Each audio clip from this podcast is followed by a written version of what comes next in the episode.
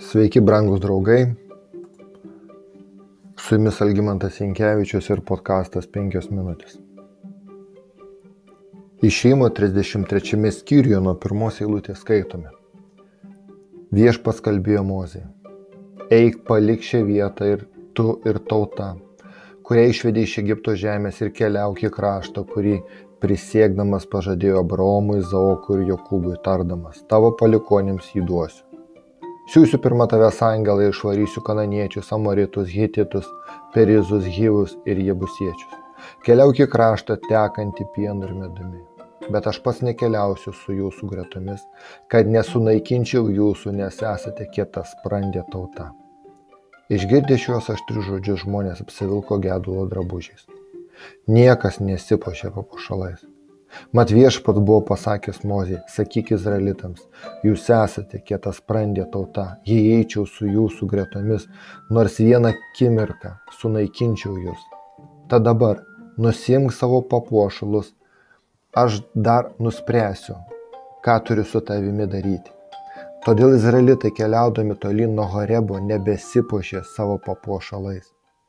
Mozė imdavo palapinę ir pastatydavo ją už stovyklos, toli nuo stovyklos. Ji buvo vadinama susitikimo palapinė. Norėdamas pasitarti su viešpačiu, eidavo į susitikimo palapinę, buvusią už stovyklos.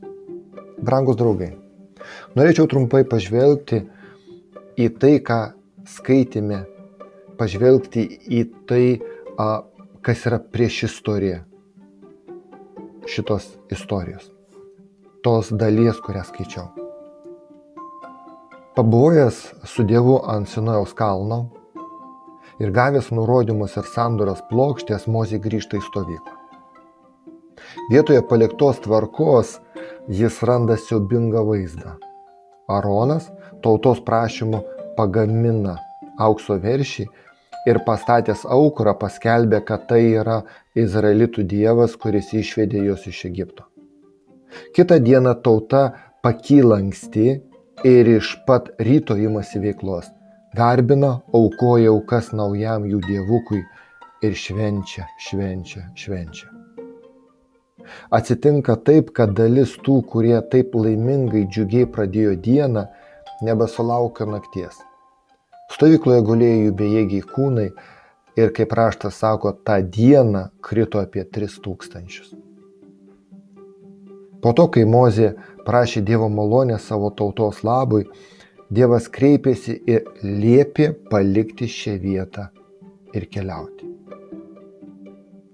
Prieš išvykstant izraelitai su giliu liūdėsiu turėjo palaidoti savo tautiečius, kurie krito nuo levitų kardo dėl savo pačių neprotingo, nevaržomo ir neatsakingo elgesio. Niekas kitas nebuvo kaltas už tai.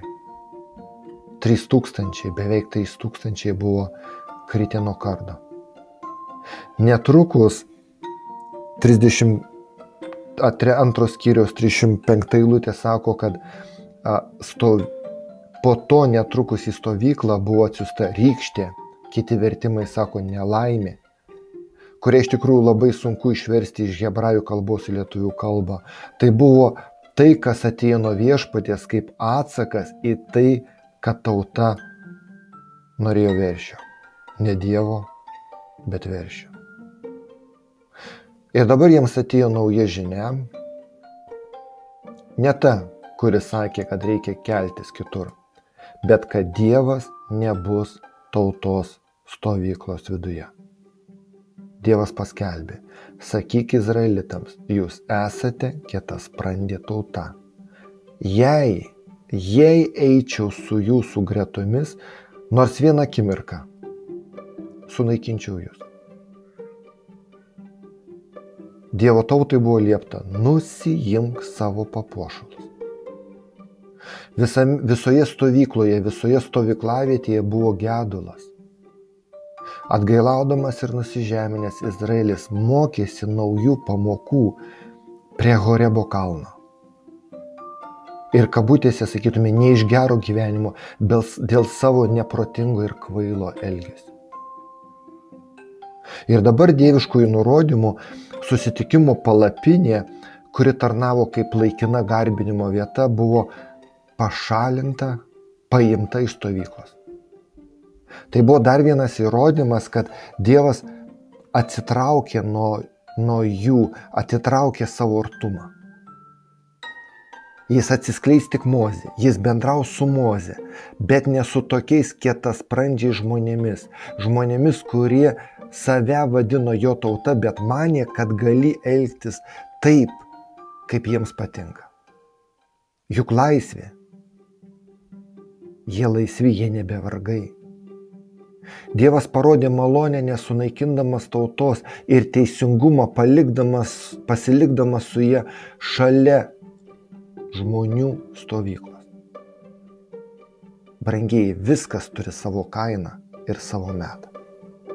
Nebilus priekaištas izraelitams buvo jaučiamas labai stipriai.